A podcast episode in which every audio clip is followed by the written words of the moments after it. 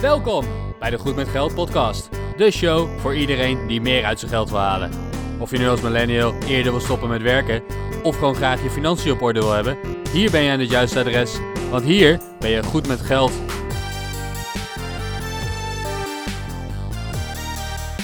Dit is aflevering 29 van Goed met Geld.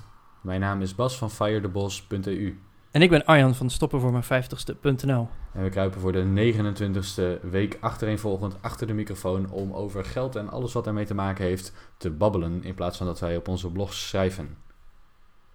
Ja, aflevering 29. Aflevering 29 draait weer om een reactie van een van jullie, een van onze luisteraars. En in dit geval gaat het om Peter. Maar voordat we op die reactie ingaan, is het misschien ook wel even goed om eh, jullie sowieso te bedanken voor alle reacties. We krijgen superleuke reacties per mail onder onze blogs, eh, maar ook zeker onder de show notes. En weet ook vooral dat we ze allemaal lezen, dat we soms wel de mogelijkheid hebben om meteen een reactie te sturen en soms niet. Ehm, maar we lezen ze allemaal en grote kans dat de meeste ook wel een keer terugkomen in de podcast. Ehm, maar ja, we moeten ook een beetje met planning rekening houden. En we moet, het moet ook een beetje lekkere flow door alle podcasts heen zijn. Dus niet getreurd als je niet meteen een reactie krijgt. Of als je niet binnen twee of drie afleveringen meteen aan de beurt komt met jouw vraag. Uh, hij komt er waarschijnlijk zeker aan. Vandaag Peter. En Peter die uh, heeft ons een vraag gestuurd. Die heeft in anderhalve week heeft hij alle 26 afleveringen geluisterd. Dat Was, je niemand. Dat gun je... Nee, nee. ons de hele tijd door je oren tetteren. Nee, ik, ik denk dat hij uh, direct ook weer moet afkicken. Want hij heeft zojuist in een uh, anderhalve week een half jaar een podcast geluisterd. En dan krijg je nog maar één per week. Ja, dat is, uh, dat is even vervelend. Ja, er zijn gelukkig een hoop andere podcasts. En elke week is er een nieuwe Goed met Geld. Dus dat komt wel weer goed. Gelukkig voor Peter. Maar goed, Peter die stuurde ons een vraag. Administratie, hoe houden jullie dat nou bij? Uh, hoe hebben jullie crowdfunding daarin verwerkt? Hoe heb je je beleggingen daarin verwerkt? Heb je alles in Excel-sheets? Gebruik je een andere tool?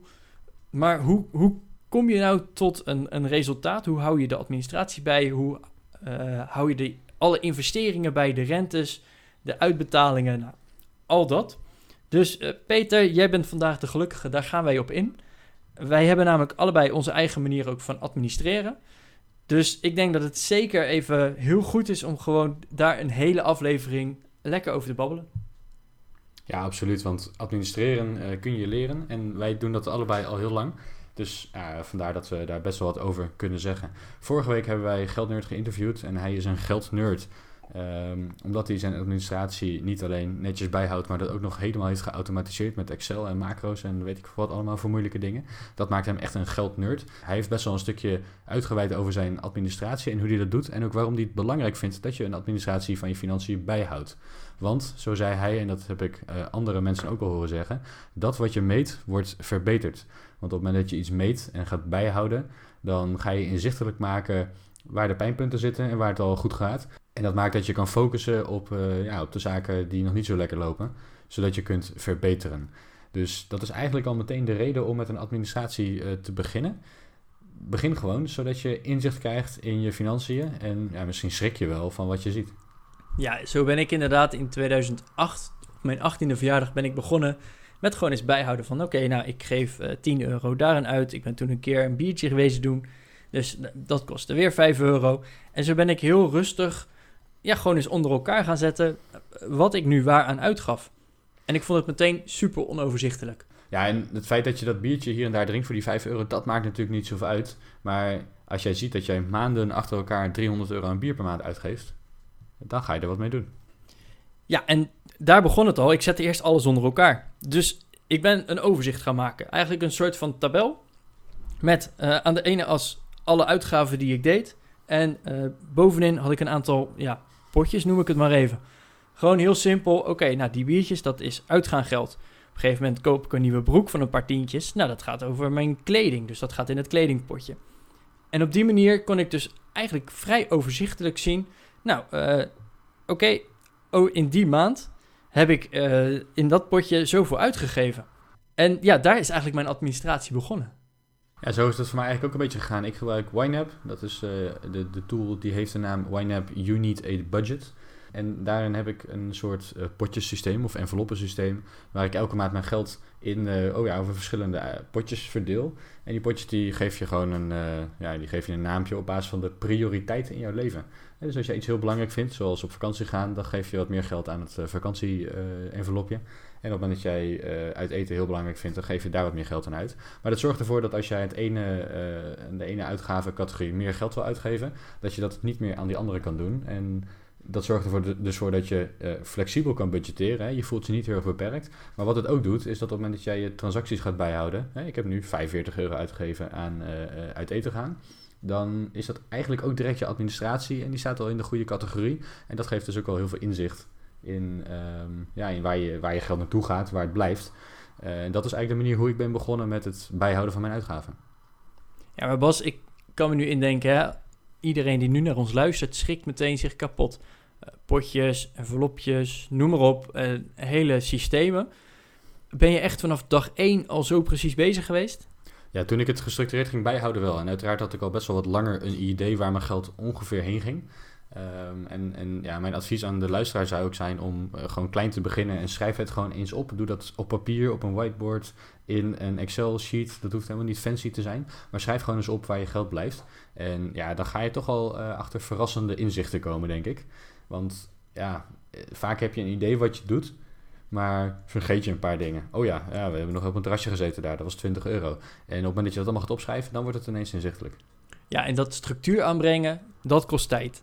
En als ik dat ook bij mezelf zie, uh, mijn allereerste Excel, want uh, ik, ik maak elk jaar een nieuwe sheet. Dan kopieer ik de oude en die haal ik helemaal leeg. Maar ik maak altijd weer een beetje verbeteringen en die voer ik dan weer toe. En dan komt er daar een grafiekje bij en daar een dingetje bij en een kolommetje en een tapje. Dat gaat over jaren. Uh, dus vooral ook onze tip daarbij, begin en probeer het voor jezelf overzichtelijk te houden. En als je op een gegeven moment denkt van nou, dit gaat nu lekker, maar ik wil dat ook er nog bij. Ga dan pas eens denken aan, oké, maar dat kan ik op die manier doen. En uh, als ik nu daar iets aan toevoeg of een formule bouw, dan kan ik dat er ook uit extraheren. Begin dus gewoon vooral en zorg dat het voor jezelf in ieder geval overzichtelijk is. Ook al snapt niemand er iets van, als jij zelf maar kan bepalen. Nou, uh, ik heb die potjes bijvoorbeeld en ik kan op die manier berekenen wat ik waar aan uitgeef. Dat is al stukje bewustwording nummer 1. Ja, absoluut. En, en dat doorontwikkelen, dat is denk ik heel belangrijk. Hè? Als je heel klein begint, dan blijft het allemaal heel simpel en overzichtelijk. Als je dat niet doet en je zit meteen heel groot op en je wil allemaal functies erin bouwen, ja, dan, dan kan je erin verdrinken en dan denk je, oké, dit is te veel werk, hier gaan we niet aan beginnen. Dat is ook dus, wat Geldnerd zei, hè? Ja, Geldnerd houdt al 15 jaar zijn administratie bij. Mijn administratie is nog nooit af geweest en elk jaar komen er weer nieuwe dingen bij. Elk jaar verandert die weer iets en elk jaar wordt het net weer iets beter, iets mooier en iets geweldiger.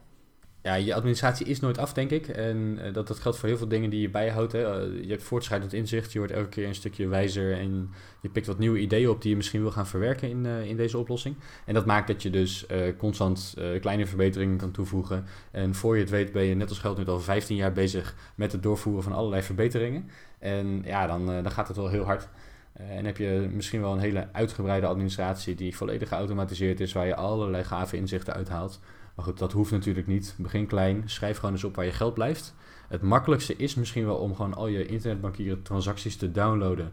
En daar gaan proberen een categorie aan te geven. Dit was een terrasje, dit was kleding, dit waren boodschappen, dit is de huur. Ja, en dan heb je eigenlijk al het begin van je administratie en het begin van inzicht in je financiën.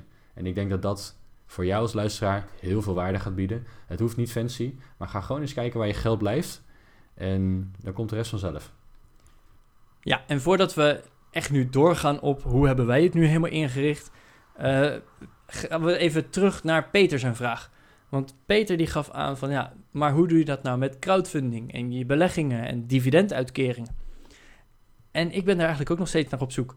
Kijk, mijn crowdfunding dat doe ik al jaren en dat, dat is heel erg stabiel. Alles staat in één grote tabel en daarin kan ik filteren. Dus ik uh, heb een projectnaam, ik heb dan een projectclassificatie, vervolgens nog een investeringsbedrag, het, het platform waar het uitstaat, eventueel extra kosten die erbij komen, hoeveel geld er nog uitstaat, hoeveel rente er nog uitstaat, hoeveel ik al ontvangen heb. Dat zijn allemaal van die kolommetjes die naast elkaar staan. En vervolgens komt daar achteraan gewoon voor elke maand een kolom. En elke maand komt er een bedrag onder te staan of ik dat die maand kan gaan ontvangen, ja of nee. Nou, daardoor kan ik dus ook heel makkelijk afvinken, hey, die heb ik wel gehad, die heb ik niet gehad. En daarmee maak ik het voor, voor mijzelf zo overzichtelijk mogelijk. Ik denk dat heel veel mensen er tenen krommend naar zullen kijken van wat een werk of uh, krijg je er nog overzicht uit. Maar juist door voor mezelf alles bij te houden en echt elke betaling te kijken van oké, nou, die betaling is er wel, die betaling is er nog niet. Hoeveel betalingen ga ik deze maand ontvangen? Welk bedrag kan ik terug ontvangen? heb ik voor mezelf in ieder geval dat overzicht. Ja, en zo doe ik dat ook wel een beetje. Want ik hou dus, zoals gezegd, mijn budget in YNAB bij. En dat betekent dat als mijn geld gestort wordt, of met het bedrag dat ik te budgetteren heb, mijn salaris en eventuele overige inkomsten, dat ik die ga verdelen over de verschillende potjes. En een van die potjes is mijn beleggingen. Ik wil gewoon elke maand een best wel significant bedrag in mijn beleggingen stoppen. En dat is een uitgave die ik in YNAB registreer. En dat is een uitgave die ik doe naar mijn beleggingsrekening. En die beleggingsrekening, die heb ik ook in YNAB zitten. Het geld wat daarop staat is niet iets wat in mijn budget valt, maar het is een zogenoemd tracking account. En dat betekent dat ik wel bijhoud wat het saldo is en dat ik daar wat transacties naartoe kan doen en daarvan uit kan doen als ik geld opneem.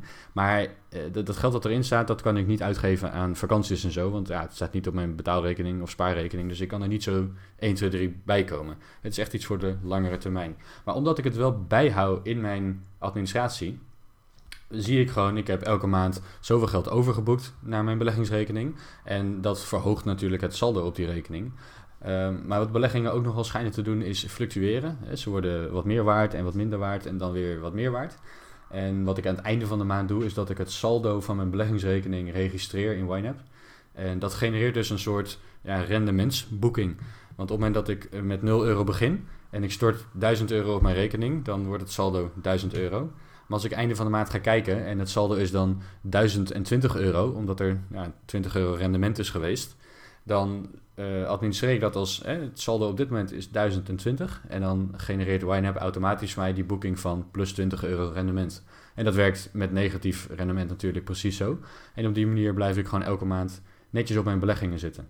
En of dat rendement nou komt uit uh, de waardeverhoging van de aandelen of uit uitgekeerd dividend of rente, dat maakt eigenlijk niet zo heel veel uit. Want ik kijk niet op het niveau wat Arjen doet, hè, dat hij elk project wat hij heeft netjes bijhoudt. Op dat niveau kijk ik niet naar mijn beleggingen. Als ik wil weten hoe mijn individuele trackers of ETF's het doen, dan kan ik dat op de beleggingsrekening zelf wel zien. In YNAB hou ik eigenlijk alleen het totaalsaldo bij. Dus het bedrag dat ik elke maand naar de rekening overboek en aan het einde van de maand wat, uh, wat het rendement is geweest. En op die manier hou ik in mijn administratie de beleggingen bij. Ja, maar dat vind ik juist weer zo heel interessant. Hoeveel dividend heb je nou gekregen? Hoeveel is je eh, waarde gestegen van het aandeel zelf? Ja, dat interesseert mij dus helemaal niks. Want allebei is het gewoon rendement. En ik, ik ben niet op zoek naar waardestijging en ik ben niet op zoek naar dividend. Maar ik ben op zoek naar totaalrendement. En dat is een som van die twee. Dus ik hoef dat niet verder te specificeren. Ja, maar je hebt toch meerdere aandelen? Absoluut. Is het dan niet interessant om te kijken van, oh, dit aandeel doet het beter dan het andere aandeel? Nee, dat vind ik eigenlijk niet zo heel boeiend. Ehm, en, de, en, de, reden daarvan is, is dat ik gewoon wil dat mijn totale beleggingsportefeuille groter wordt. En eh, niet zozeer dit aandeel doet het beter. En even voor de luisteraar, we hebben het over aandelen. Ik beleg niet in individuele aandelen. Ik heb gewoon twee ETF's waar ik in beleg. En ja, dat zijn er maar twee. En, en allebei wil ik dat ze meer waard worden. En van allebei wil ik dat ze ongeveer evenveel meer waard worden. Zodat ze netjes in de juiste verhouding van elkaar blijven. Voor die verhouding van de twee is het interessant om te weten wat ze individueel waard zijn. Maar dat zie ik in mijn beleggingsrekening. En ik pas dus inderdaad wel mijn kooporder aan. Uh, zodat ik wat meer aankoop van degene die achterblijft. Zodat de, de verhouding van de twee ETF's goed blijft. Maar in mijn administratie hoef ik daar verder geen rekening mee te houden. Want ik ben niet geïnteresseerd in het dividendrendement van aandeel 1 of de waardestijging van aandeel 2. Nee, ik ben gewoon geïnteresseerd in het totale rendement van de portefeuille. Oké, maar je, wacht even hoor. Je wil dat ze allebei ongeveer gelijk zijn. En je gaat dan juist investeren in degene die achterblijft. Ja. Dus eigenlijk investeer je in degene die het slechter doet. Ja, absoluut. Want uh, in, in mijn geval investeer ik 90% van mijn portefeuille in VWRL en 10% van de portefeuille in IUSN.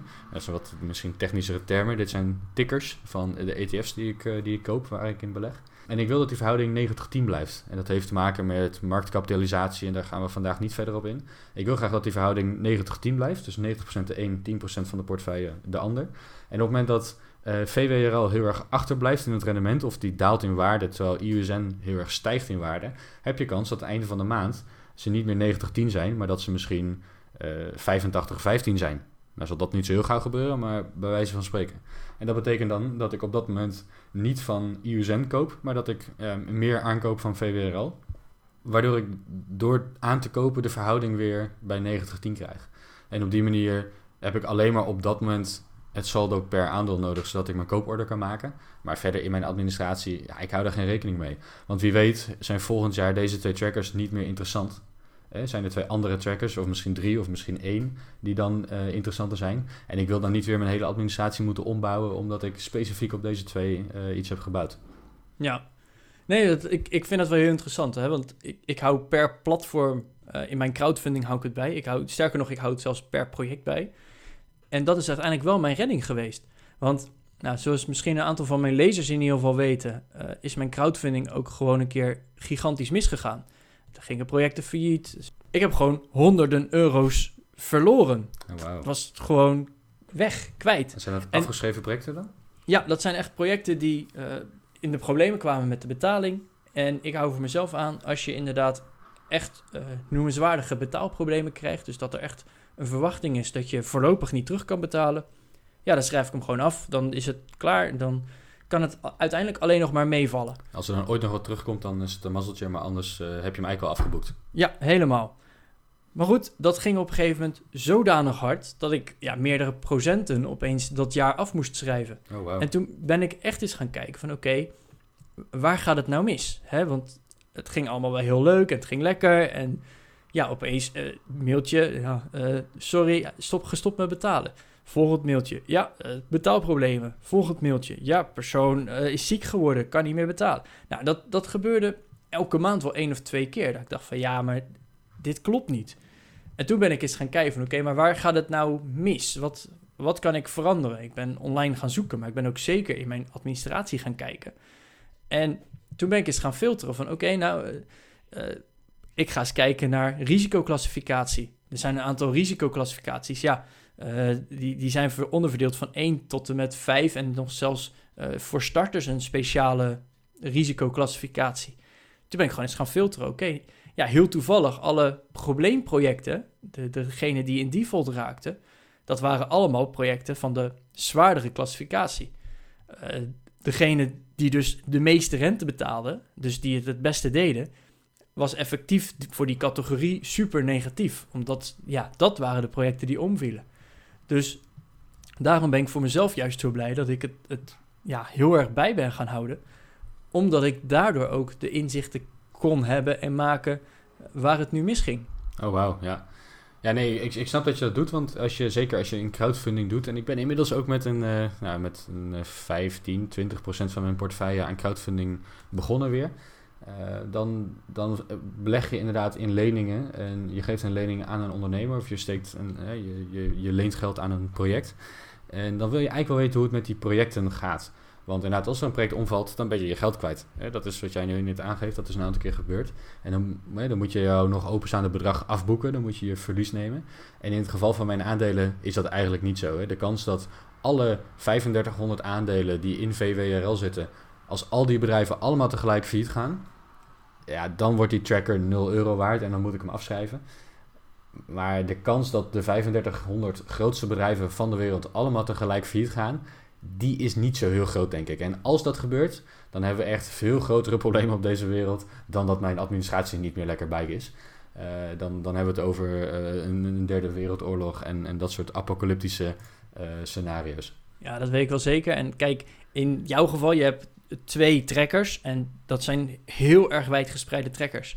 Maar ik kan me ook zo voorstellen dat je denkt van nou, ik denk dat de technologie, dat dat het, hetgene wordt waar de, wereld op waar de wereld geld op gaat verdienen.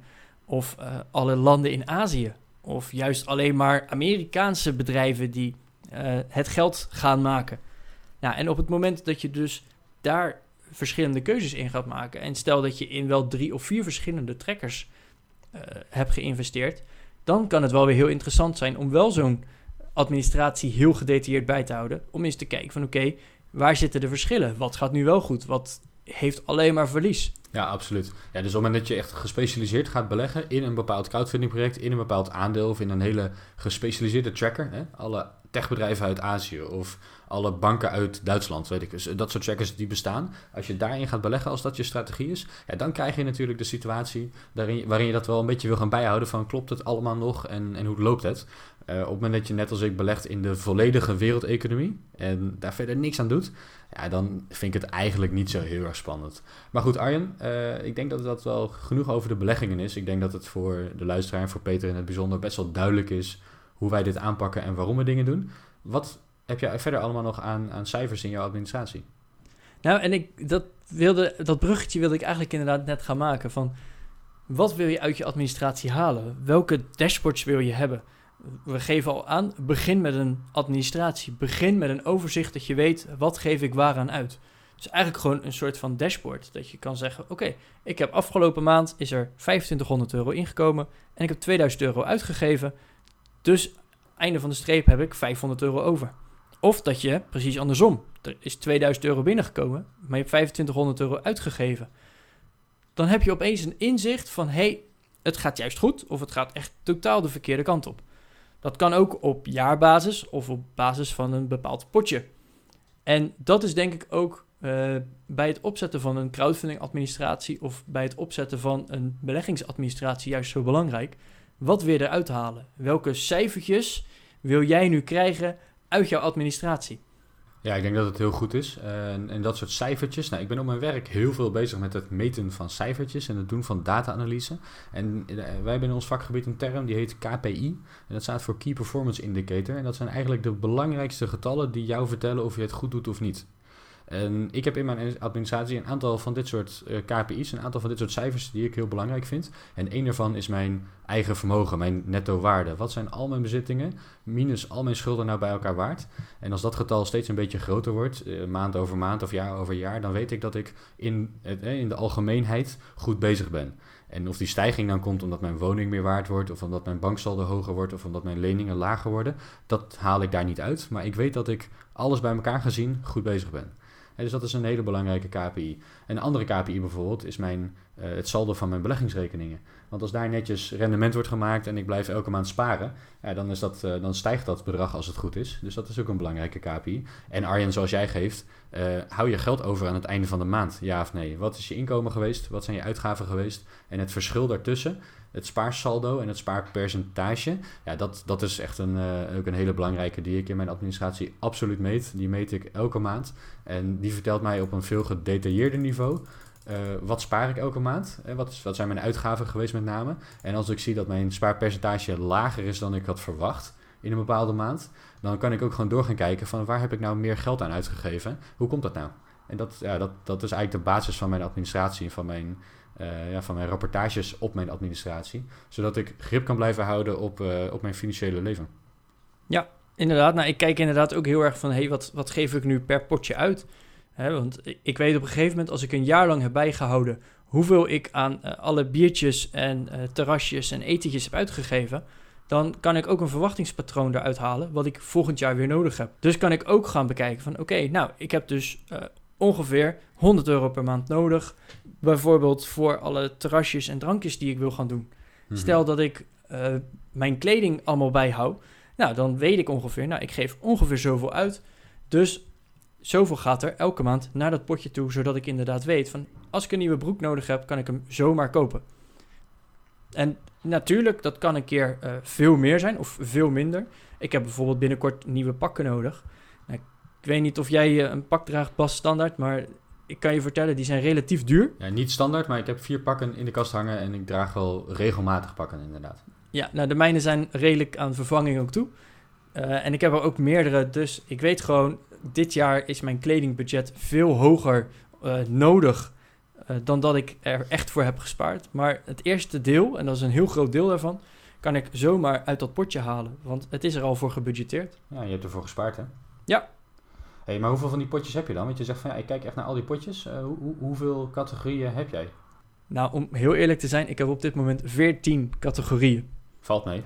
Valt mee. Hoeveel, hoeveel heb jij er? Ik heb er 22 en die zijn verdeeld in zes hoofdcategorieën. Ehm, en, de reden dat ik het vraag is, jij zegt van ik kijk elke maand naar elk potje, hoeveel heb ik uitgegeven in elke categorie. Ik zit te denken van ik heb zes hoofdcategorieën en onderverdeeld naar 22 subcategorieën. Ik ga echt niet elke maand kijken wat heb ik aan kleding uitgegeven, wat heb ik aan boodschappen uitgegeven. Dat, daar kijk ik niet naar. Ik kijk naar gewoon wat heb ik in zijn algemeenheid uitgegeven. Waar heb ik heel veel of heel weinig aan uitgegeven.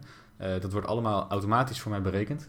En op het moment dat ik gekke dingen zie, bijvoorbeeld hey, mijn uitgaven zijn veel hoger dan de uitgaven vorige maand, dan ga ik naar de categorieën kijken van waar zit hem het verschil dan in. In welke categorie heb ik veel meer uitgegeven dan vorige maand? En op die manier ga ik eigenlijk alleen maar kijken naar de, ja, de zaken die de afwijking veroorzaken. Ja, dit, dit is eigenlijk de automatisering die ik in de afgelopen jaren ook heb toegevoegd. Uh, in het verleden keek ik inderdaad, hé, hey, maar waarom is het nu zoveel? Ondertussen, als ik een uitgave doe, gaat het gewoon, uh, hou ik het bij in dat potje. En vervolgens heb ik een overzichtstapje waarbij alles keurig netjes opgeteld wordt en uh, bij elkaar wordt gezet. Mm-hmm. Zodat ik ook weet, hey, uh, voor dit potje heb ik deze maand zoveel uitgegeven en voor dat potje zoveel. Mm-hmm. Plus aan het einde van het jaar heb ik ook gewoon meteen weer het overzicht. Oké, okay, alle maanden bij, worden bij elkaar opgeteld. Dus ik weet, voor het hele jaar heb ik zoveel uitgegeven. Vervolgens, hè, ik budgeteer er ook voor. Dus ik, ik spaar en stop dat eigenlijk weer terug in het potje. Nou, en dus weet ik ook hoe de balans op dat potje is. En als de balans extreem veel afwijkt, uh, ja, dan moet ik toch eens gaan kijken. Misschien moet ik wel meer gaan budgetteren voor dat potje. Ja, absoluut. Dus inderdaad, nou, en ook daar weer even op terugkomend, een kwestie van ontwikkeling. Ik heb er tien jaar over gedaan om te komen waar ik nu ben met mijn administratie. En inderdaad, ik ga ook weer verder kijken. Ik ben net begonnen met beleggen. Ik heb nog geen idee hoe ik dat echt heel netjes ga bijhouden.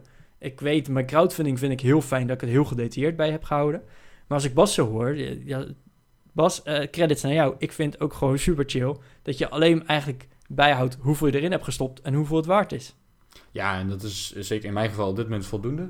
En ja, mocht dat veranderen, daar hadden we het net in het begin natuurlijk ook al over. Dan kan je heel makkelijk zeggen: ik ga mijn administratie wat aanpassen, uitbreiden, uh, fine-tunen. Dat is absoluut geen probleem. Um, ik denk de crux hiervan is: begin gewoon. En het is echt waar, datgene wat je meet, wordt verbeterd. Wat het ook is, als je iets gaat bijhouden, dan ga je vanzelf verbeteren. Als je elke maand zou gaan bijhouden hoeveel uh, stroom verbruik ik nou, dan word je daardoor automatisch bewuster van hoeveel stroom je verbruikt. En elke keer als je dan een lamp aanzet, dan denk je, oh, als ik zo wegloop, moet ik hem wel weer even uitzetten. Want ik wil dat het getalletje goed blijft, einde van de maand. Dus dan blijft hij achter in je hoofd zitten. En dat geldt ja, ook voor je financiële administratie. Als je iets meet, dan wordt het vanzelf gemanaged. Ja, want ik vind het eigenlijk ook wel heel lekker inderdaad om einde van komende maand weer te weten van... Ja, mijn totaalbedrag of mijn uitgaven zijn weer in lijn der verwachting en het klopt gewoon weer. Daar, daar word ik gewoon persoonlijk een stukje gelukkiger van. Dus dat, dat helpt ook wel echt. En mijn administratie is dus echt wel een stok voor mij achter de deur om inderdaad mijn doelen te kunnen bereiken straks. Oké, dus in de show notes van deze aflevering op www.goedmetgeldpodcast.nl slash 029, want we zitten in aflevering 29. Daar vind je linkjes naar uh, blogartikelen die Arjan en ik hebben geplaatst op onze eigen websites waarin we meer uitleggen over hoe die administraties en de rapportages daaroverheen nou werken. Dus uh, mocht je zoeken naar inspiratie om zelf te beginnen, check dan de show notes en, uh, ja, en kijk gewoon hoe wij dat doen.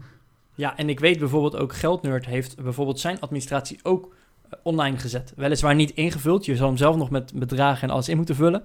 Maar hij heeft ook gewoon een voorbeeld gegeven. En zo zijn er wel meer bloggers die een voorbeeld aan jou geven. Hoe zet je nou zo'n administratie op en wat zijn hun tactieken om het lekker bij te houden? Ja, laten we zeker dat uh, ook de Geldnerd administratie opnemen in de show notes. En weet dus ook gewoon, er is geen echt goed of fout. Je bent geen professioneel bedrijf, dus je hoeft niet aan bepaalde voorwaarden te voldoen. Het moet vooral voor jezelf een, een fijn gevoel geven hoe je het bijhoudt. En dat het ook vooral ja, bij voorkeur niet te veel tijd kost. Dat lijkt me een hele goede afsluiting van aflevering 29 van de Goed met Geld podcast. Wil je ons helpen? Uh, abonneer je dan op Spotify en Apple Podcast en laat daar een rating en een review achter, zodat uh, nog meer mensen uh, kunnen gaan genieten van alle wijsheden die wij met de wereld delen. doe dat gewoon. Ja, en wekelijks word je op de hoogte gehouden natuurlijk van nieuwe podcasts. Je kan je aanmelden op de nieuwsbrief via onze website. Op Facebook publiceren wij natuurlijk ook en op Twitter dat er een nieuwe aflevering is gepubliceerd. En ook via de Apple Podcast en Spotify, als je je daarop abonneert, krijg je ook gewoon netjes een pop-upje waarschijnlijk op je telefoon van hey, er is een nieuwe aflevering. Geniet ervan. Elke vrijdag weer zijn wij op jouw radio. Tot volgende week. Tot volgende week.